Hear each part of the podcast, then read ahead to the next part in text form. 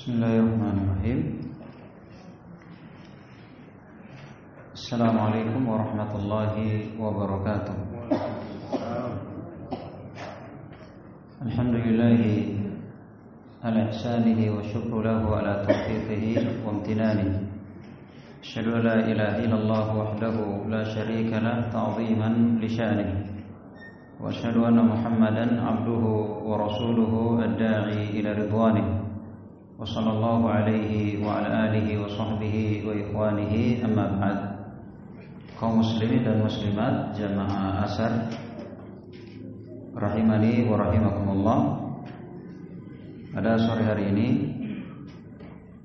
Allah Subhanahu wa taala mempertemukan kita kembali dengan uh, melangsungkan uh, kegiatan uh, ta'lim spesial dengan tema pengaruh nama dan sifat Allah Subhanahu wa taala terhadap kehidupan seorang hamba. Nama-nama dan sifat Allah Subhanahu wa taala itu memiliki konsekuensi. Artinya ada pengaruh pada hamba. Nama-nama dan sifat Allah Azza wa itu ada pengaruh pada hamba. Ya.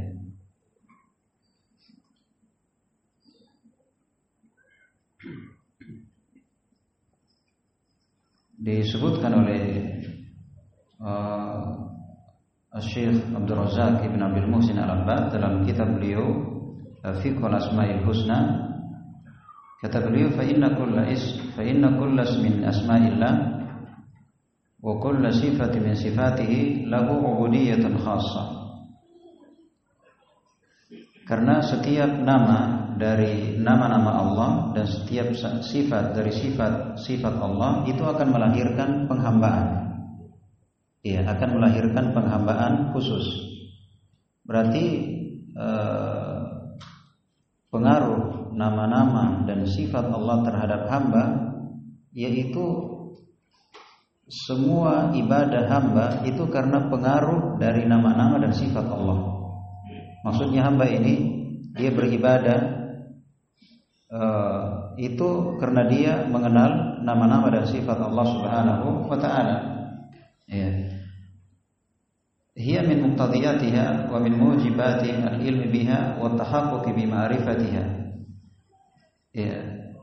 Ini termasuk keharusannya dan termasuk keharusan mengetahuinya dan uh, mewujudkan dalam mengenal nama-nama dan sifat Allah. Maksudnya dengan seorang hamba mengenal nama-nama dan sifat Allah Subhanahu wa taala, maka itu akan mengharuskan dia beribadah kepada Allah Azza wa Jalla. Muttaridun fi jami' anwa'il ubudiyyah allati 'ala al-qalbi wal jawarih di mana ini berlaku semua bentuk ibadah baik itu ibadah hati maupun ibadah badan.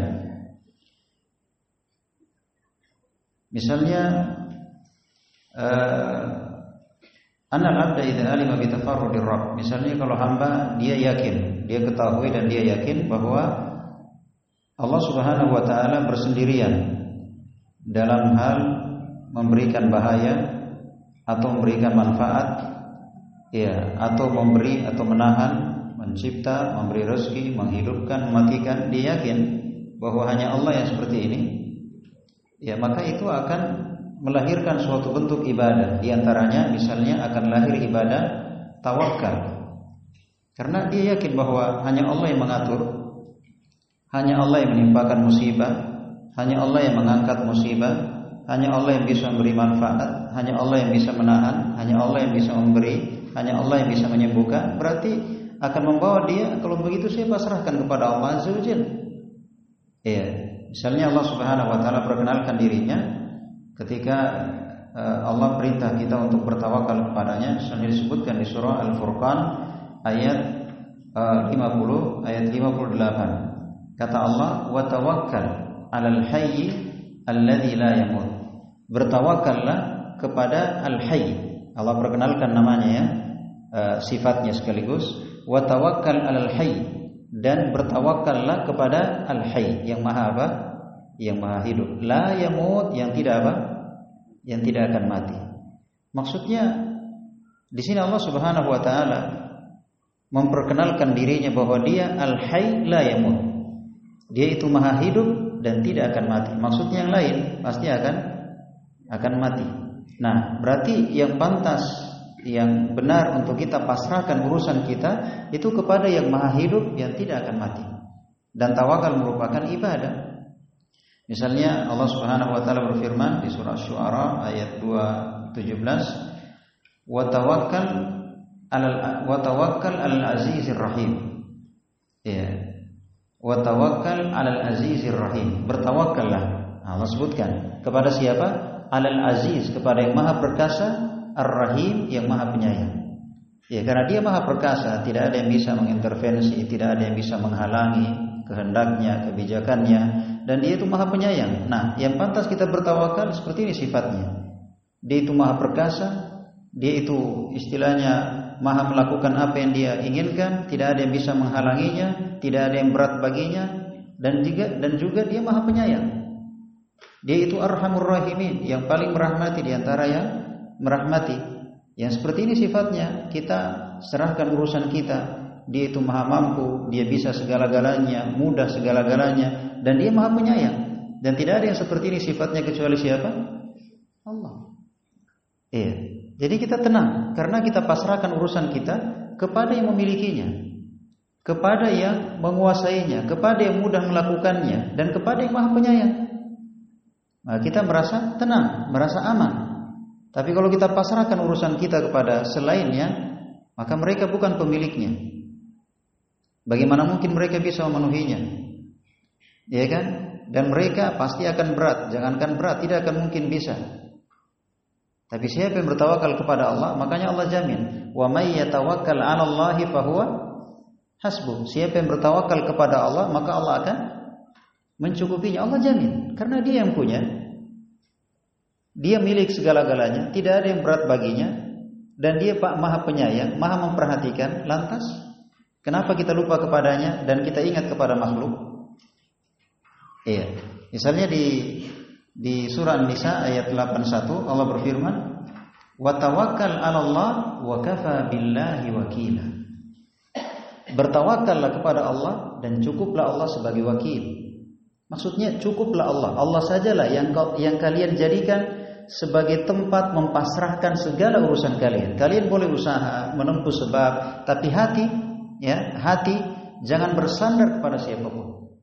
Jangan bersandar kepada kesehatan, jangan bersandar kepada modal, jangan bersandar kepada pengalaman, jangan bersandar kepada rekan kerja, jangan bersandar kepada perusahaan, jangan bersandar kepada siapa pun. Hati ini sedetik pun dia tidak pernah lepas dari Allah Azza wa Jalla.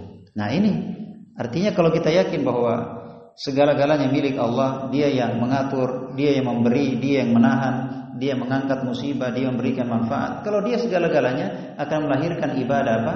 Di antaranya ibadah tawakal. Berarti pengaruh mengenal nama-nama dan sifat Allah yaitu akan melahirkan ibadah. Setiap nama, setiap sifat akan lahir ibadah. Akan lahir ibadah. Ya, makanya misalnya wa idza alima al-'abdu bi anna Allah samii'un basir alimun la yafa 'alaihi mithqalu dzarratin mithqalu dzarratin fis samawati wal ard wa annahu ya'lamu sirra wa akhfa wa ya'lamu kha'inatal a'yun wa ma tukhfi sudur وأنه تبارك وتعالى أحاط بكل شيء علما وأحصى كل شيء عددا فمن علم بابتلاء الله عليه ورؤيته له وإحاطته به فإن ذلك يثمر له حفظ اللسان والجوار وفترات وخطرات القلب عن كل عن كل ما لا يرضي الله وجعل تعلقات هذه الأعضاء بما يحبه الله ويرضاه. Kalau misalnya eh, seorang hamba itu meyakini dia mengenal Allah itu dia kenal Allah itu sami maha mendengar ya kan dia kenal dia tahu itu Allah itu maha mendengar kalau betul ini dia yakini ini ya Eh, dan dia yakini Allah itu basir, maha melihat. Dia yakini Allah itu alim, maha mengetahui. Apa yang akan lahir Kalau seorang hamba ini dia yakin Allah itu maha mendengar, Allah itu maha melihat, Allah itu maha mengetahui, tidak ada yang luput dari Allah Azza wa Jalla, sekecil apa pun. Sekecil apa pun, di langit maupun di bumi. Bahwa dia mengetahui yang rahasia maupun yang terang-terangan. Dia mengetahui yang yang nampak maupun yang yang sembunyi-sembunyi. Iya, dan Allah Azza wa Jalla itu mengetahui ya lirikan mata. Ada kan memandang itu nggak berani tapi dia melirik. Tapi dia melirik. Juga Allah Subhanahu wa taala mengetahui wa ma sudur dan Allah Azza wajal mengetahui apa yang dirahasiakan di hati. Apa yang dirahasiakan di hati. Iya, dan Allah Azza wajal melingkup segala sesuatu. Iya, dan mengetahui segala sesuatu.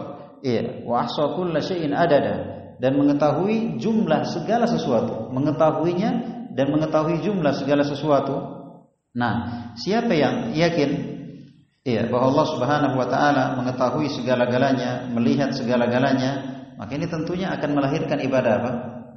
Ya di antara ibadah yang akan lahir, dia akan menjaga lisan, tidak akan sembarang dia bicara. Iya kan? Dibicarakan orang misalnya, ya kan? Dia gibai orang, dia dusta orang dan seterusnya dia menipu. Dia mungkin bersembunyi dari dari manusia, tapi dia dia yakin Allah Maha melihat. Allah Maha mendengar, Allah Maha mengetahui. Akan lahir ibadah apa? Dia akan menjaga lisannya. Iya, dia akan menjaga anggota badannya. Dia akan menjaga bisikan-bisikan hatinya. Tidak sembarang dia menghayal, tidak sembarang dia berpikir. Karena jangankan yang dia ucapkan, jangankan yang dia buat, itu yang terbetik di hati pun, yang terbetik di hati pun Allah apa? Allah tahu.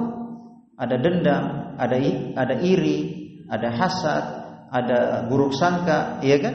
Ini kan penyakit-penyakit hati. Maka ini akan melahirkan jangankan lisannya, anggota badannya, maka hatinya pun dia akan jaga. Kenapa? Karena dia yakin Allah Subhanahu wa taala Maha mendengar, Allah Maha melihat, Allah Maha mengetahui segala-galanya. Mungkin saya bisa bersembunyi dari manusia, tapi saya tidak akan mungkin bisa bersembunyi dari siapa? Dari Allah Azza wa Jalla. Berarti orang yang sembarang berbicara, ya kan? Ya, kalau dia dikala bersama tidak berbuat dosa, tapi dikala di kamar sendirian, aman dari pandangan manusia, dari CCTV, ya kan? Maka mulai dia berbuat dosa. Berarti apakah dia yakin Allah Maha melihat? Allah Maha mendengar? Allah Maha mengetahui, ya kan?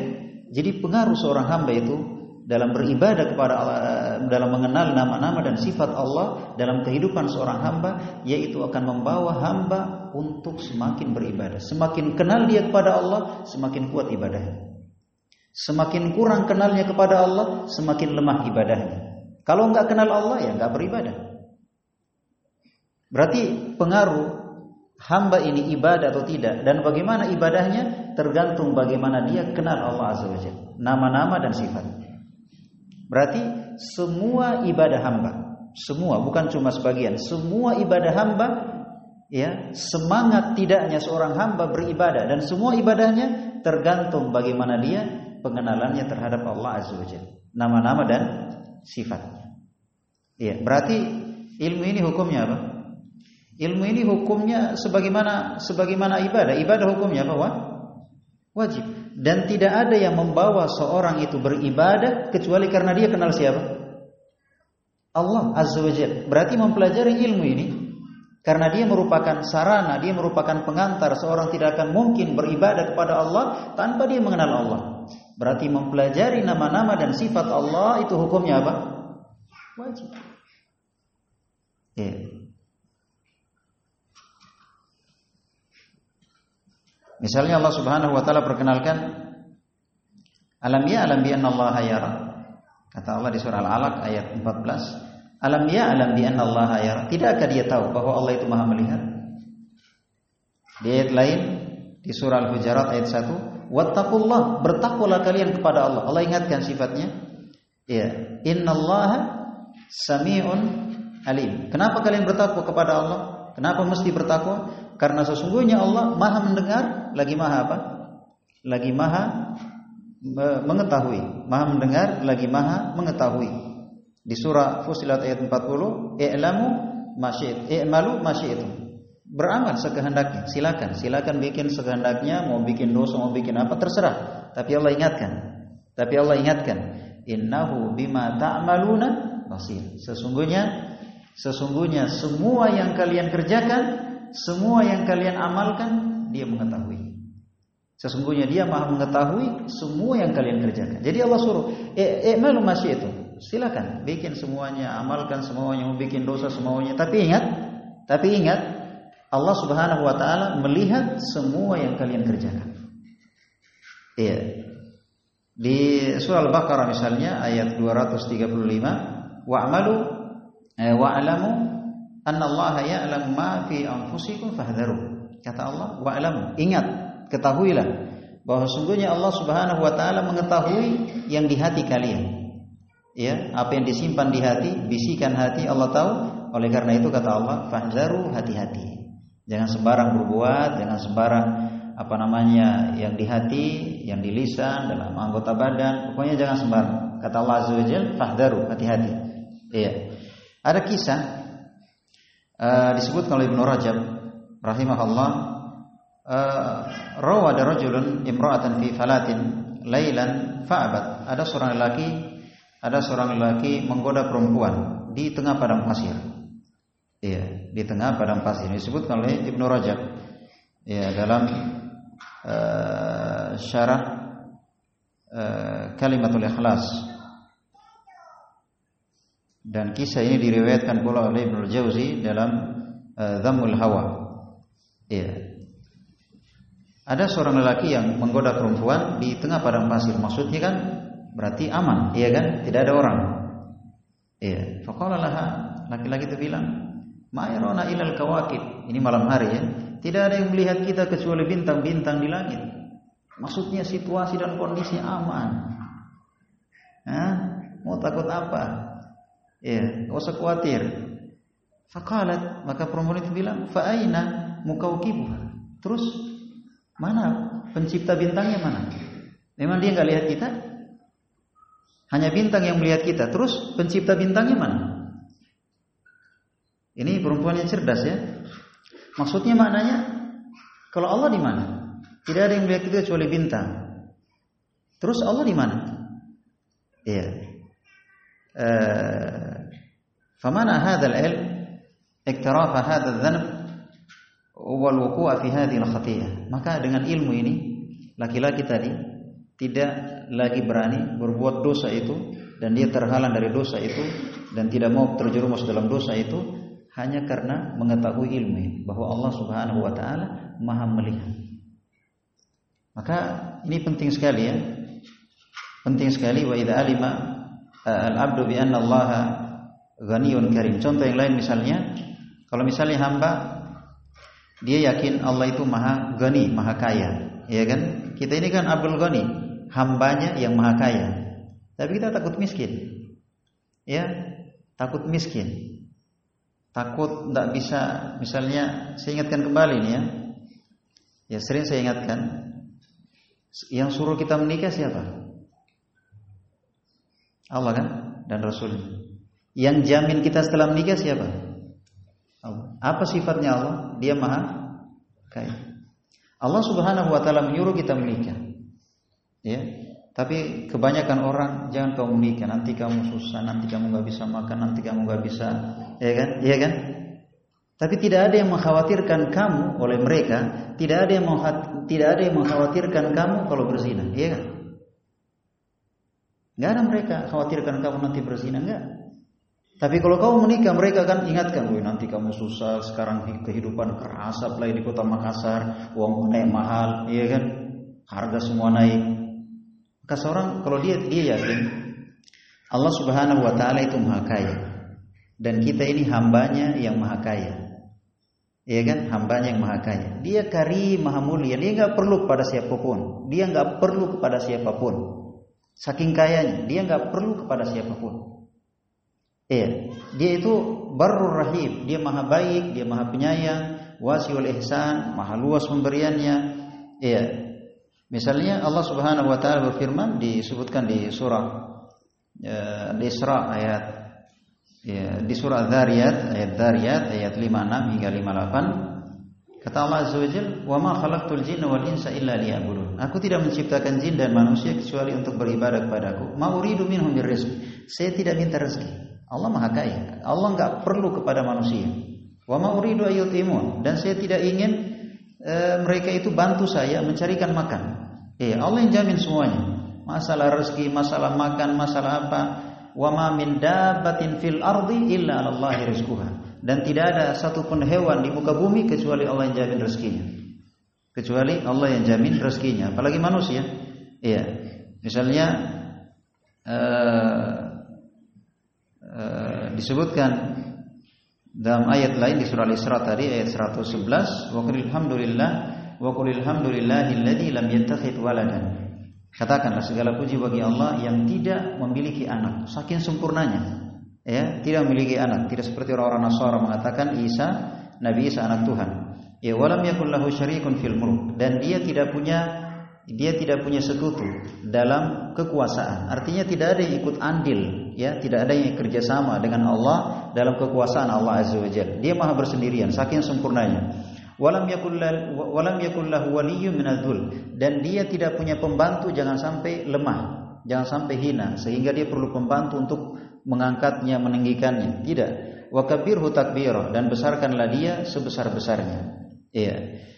E, jadi di sini kalau kita yakin Allah Subhanahu wa taala Maha Kaya, Maha Mulia, Maha Baik, Maha Penyayang, Maha luas pemberiannya, ya Maha luas pemberiannya dan dia tidak perlu kepada hambanya, ya sekarang kita dekatkan. Kadang manusia kan begini ya, dia lebih lebih mendekatkan kepada manusia daripada mendekatkan kepada siapa?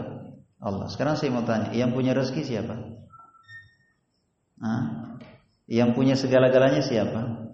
Dia mendekatkan kepada yang dia mendekatkan dirinya kepada yang yang yang bukan pemiliknya. Dia pasrahkan hatinya kepada yang bukan pemiliknya. Lantas kepada pemiliknya dia lupa. Dia lupa kepada Allah, dia lupa mendekatkan diri kepada Allah, dia lupa menjaga bagaimana supaya Allah mencintainya, ya kan? Maka ini kemudian juga akan muncul berbagai macam kekhawatiran. Allah Subhanahu wa taala menjanjikan kita kekayaan. Syaitan misalnya Allah Subhanahu wa taala suruh kita bersedekah, suruh kita berinfak dan Allah Subhanahu wa taala akan ganti dengan dengan ganti yang banyak. Sementara syaitan bisikan apa? Bisikan dengan kefakiran, kemiskinan, pelit, ya kan? Itu bisikan-bisikan syaitan. Iya. Jadi kalau kita kenal Allah Azza wa bahwa Dia itu maha luas rahmatnya, maha kaya, maka tentunya akan melahirkan ibadah ya kepada Allah Subhanahu wa taala misalnya ya kita pasrahkan segala urusan kita, rezeki kita, nasib kita kepada Allah Azza wa Jalla ya tentunya dengan melaksanakan sebab. Contoh lain misalnya uh, fa idza alima al-abdu dzalika athmara fihi quwwatar raja. Jadi saya, saya ingatkan kembali kalau hamba Eh, dia yakin tadi Allah itu maha kaya, maha mulia, maha baik, maha penyayang, maha luas rahmatnya. Itu di antara ibadah yang akan muncul, yaitu dia akan lahir dalam dirinya kekuatan roja. Apa artinya roja? Roja artinya harapan. Akan kuat harapannya karena dia yakin ini hanya Allah yang Allah Subhanahu wa taala maha kaya. Ya, Allah Subhanahu wa taala maha baik, Allah maha luas pemberiannya. Ini akan melahirkan kuat roja, kekuatan harapan ya kekuatan harapan dan juga akan melahirkan toma. Toma artinya eh, ambisi terhadap apa yang ada di sisi Allah Subhanahu wa taala ya dalam mengharapkan semua keperluannya dan juga akan melahirkan apa? idhara iftiqarihi ilaih. Dia akan menampakkan betapa perlunya dia kepada Allah karena dia yakin hanya Allah yang yang punya dan Allah itu maha baik, Allah itu maha luas pemberiannya, maka dia nampakkan keperluan dia kepada Allah Subhanahu wa taala. Misalnya Allah Subhanahu wa taala sebutkan di surah Fatir ayat 15, "Ya ayuhan nas, antumul fuqara ilallah wallahu huwal ghaniyyul hamid." Wahai sekalian manusia, kalian itu butuh kepada Allah. Butuh kepada Allah. Wallahu huwal ghaniyyul hamid. Dan Allah ingatkan bahwa dirinya wallahu dan dia Allah al-ghani al-hamid. Dia maha kaya lagi maha terpuji. Dia lagi dia maha kaya lagi maha terpuji. Jadi uh, akan melahirkan ibadah roja, ya akan melahirkan ya, ibadah tawakal, ada melahirkan ibadah al-inabah dan seterusnya dari banyak ibadah ketika hamba mengenal Allah Subhanahu wa taala. Ya. Taib. Satu lagi, misalnya kalau kita tahu bahwa Allah Subhanahu wa taala itu eh, maha adil. Maha adil. Dan dia tahu bahwa Allah Subhanahu wa taala itu amat berat siksanya dan dia tahu bahwa Allah Subhanahu wa taala itu marah, ya. Iya, marah, memiliki sifat marah. Iya, dan Allah Subhanahu wa taala memiliki adab, memiliki iqab. Ah, maka ini akan lahir apa? Akan lahir rasa takut Artinya kan Allah itu maha adil. Tidak mungkin orang lain yang berbuat, orang lain yang kena. Ya kan? Allah itu maha adil. Maka artinya kita yang berbuat ya, kita yang dapat. Iya. Tidak mungkin ada yang berbuat kemudian cuci tangan, lepas tangan. Allah maha adil. Iya, maka di sini akan melahirkan rasa takut. Akan melahirkan rasa waspada, akan melahirkan apa namanya ibadah menjauh dari semua yang dibenci oleh Allah Subhanahu wa taala. Misalnya Allah ingatkan di surah Al-Baqarah ayat 196 wattaqullah wa'lamu annallaha syadidul iqab. Allah ingatkan bertakwalah kepada Allah. Nah, Allah suruh kita bertakwa, kemudian Allah ingatkan sifatnya bahwa sesungguhnya Allah syadidul iqab, amat berat siksanya. Berarti kalau lagi ada semangat-semangat mau dosa gitu kan, ingat-ingat ya, ingat-ingat nama-nama dan sifat Allah yang yang melahirkan rasa takut. Ingat Allah itu marah, kalau dia marah itu keras siksanya, tidak ada yang bisa menghalanginya, ya. Kemudian musibahnya datang tiba-tiba, ya kan? Dan Allah itu Maha Adil, tidak akan mungkin kita bisa bayar, oh saya kaya saya bisa bayar atau orang tua saya pejabat saya bisa. Tidak ada, Allah Maha Adil. Misalnya Allah Subhanahu wa taala berfirman di surah Al-Baqarah ayat 203, "Wattaqullaha wa alamu annakum ilaihi tusyarun." Bertakwalah kepada Allah. Bertakwalah kepada Allah dan ingat. Jadi Allah suruh kita bertakwa, kemudian Allah ingatkan sifatnya bahwa kalian semuanya eh, kalian semuanya hanya dikembalikan kepada saya. Jadi apa pun kita, siapa pun kita, cepat atau lambat pasti kita akan kembali kepada siapa? Maka sekarang terserah. Yang jelas mau panjang hidup ini, singkat hidup ini, kaya miskinnya, muda tidaknya, semuanya pasti kembali kepada Allah. Dan kalau kita kembali kepada Allah berarti diproses. Ya kan? Berarti diproses. Misalnya disebutkan di surah Al-Baqarah ayat 209, "Fa in zalaltum min ba'di ma ja'atkumul bayyinat fa'lamu anna Allah azizun hakim." Kalau kalian tetap zalaltum, kalian tetap menyimpang, tetap sesat, memilih menyelisihi Quran dan Sunnah, ya dari dengan pemahaman para sahabat, mimba di maja'akumul bayinat. Padahal setelah datang kepada kalian kejelasan-kejelasan, sudah datang kepada kalian Quran, hadis, datang kepada kalian ilmu agama, kalian tetap tinggalkan. Apa kata Allah? Fa'lamu. Ingat, ketahuilah annallaha azizun hakim. Allah itu maha perkasa. Tidak ada yang bisa menghalangi Allah.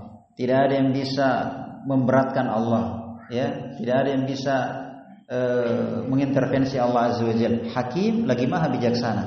Artinya di setiap, di setiap ciptaannya, di setiap aturannya itu pasti ada hikmah ya pasti ada hikmah. Nah, kemudian uh, kesimpulannya adalah uh, disebutkan di sini masih banyak kita simpulkan saja wa bihadza yu'lam anna al-ubudiyyata bi jami' anwa'iha raji'atun ila muqtadiyatil asma'i was sifat ولهذا فإنه يتأكد على كل عبد مسلم أن يعرف ربه ويعرف أسماءه وصفاته معرفة صحيحة سليمة وأن يعلم ما تضمنته وآثارها وموجبات العلم بها Fabihada ya'zumu hadzul 'abdi wa yakmulu nasibuhu minal khair. Kesimpulannya, oleh karenanya, oleh karena dasar ini, maksudnya eh, mengenal nama-nama dan sifat Allah itu akan memberikan pengaruh. Pengaruh apa? Pengaruh ibadah. Dia beribadah dan kualitas ibadahnya tergantung dia kenal Allah Subhanahu wa taala, nama-nama dan sifatnya. Nah, kata beliau di sini bahwa oleh karena itu diketahui bahwa al-ubudiyah penghambaan bijami anwa'iha dengan semua jenisnya. Kan ada ibadah hati, ada ibadah lisan, ada ibadah anggota badan, ada ibadah harta. Yang jelas semua penghambaan, semua ibadah dengan segala jenisnya itu raji'atun ila muqtadiyatil asma'i wa sifat. Ini semuanya kembali kepada keharusan dari nama-nama dan sifat Allah. Itu semuanya kembali kepada pengaruh dari mengenal nama-nama dan sifat Allah Azza wa Jalla. Maksudnya apa? Kalau kita lemah dalam ibadah, kita gemar bermaksiat, kita uh, menjadi tawanan maksiat, kita malas beribadah, lemah beribadah, berarti apa? Berarti kurang kenal Allah Azza Wajalla. Kurang dalam mengenal nama-nama dan sifat Allah Subhanahu wa taala. Karena kalau dia kenal, maka tidak akan mungkin seperti itu. Oleh karena itu, karena kita melihat kondisi ini, demikian keadaannya artinya semuanya dari ibadah hamba itu merupakan pengaruh dari nama-nama dan sifat Allah, maka jelas bahwa e, wajib bagi setiap muslim, wajib bagi setiap muslim maupun muslimah untuk mengenal Tuhannya. Bagaimana caranya? Dengan mengenal nama-nama dan sifatnya. Iya, mengenal nama-nama dan sifatnya. Dengan catatan yaitu mengenal nama-nama dan sifat Allah dengan ma'rifatan sahihatan salimah. Dengan ma'rifat iya, dengan pengenalan yang benar yang selamat. Karena ada sekarang orang berbicara tentang Allah itu aneh. Iya. Misalnya kalau ditanya di mana Allah, di mana-mana. Iya kan? Ada juga bilang di mana Allah, ya bukan di mana-mana. Ada yang kalau ditanya di mana Allah, di hatiku. Ya kan? Ada kalau di, bayangkan dia berbicara atas Allah Azza wa. Ingat ya, berarti mengenal nama-nama dan sifat Allah Azza wa Jalla itu harus dengan pengenalan yang benar, yang selamat dari penyimpangan. Jangan sembarangan. Ini ilmu yang sensitif. Salah sedikit berarti parah. Karena langsung ini ilmu langsung berbicara tentang siapa? Biasanya kan kalau yang kita bahas kan ibadah kan, cara sholat itu kan syariat kan, tapi ini kalau ilmu tentang nama-nama dan sifat Allah itu langsung berkaitan dengan siapa? Langsung berkaitan dengan yang kita sembah. Jadi kalau salah sedikit itu parah. Berarti berbicara tentang Allah Azza wa Jal, sekarang saya mau tanya, siapa yang paling tahu tentang Allah? Jawabannya apa? Tidak ada yang paling tahu tentang Allah kecuali Allah sendiri. Karena kita manusia, dari mana kita tahu Allah? Apakah di antara kita ada yang pernah melihat Allah? Sehingga kita bisa berbicara? Kan tidak ada yang pernah melihat Allah. Nabi Muhammad pun ketika Isra Mi'raj, dia tidak ketika ditanya istrinya, "Apakah kamu melihat Tuhanmu?" kata kata Nabi, e, "Nurun anak Arab. Saya hanya lihat cahaya, ada hijab, ada penghalang antara Nabi kita Muhammad dengan Allah Azza wa.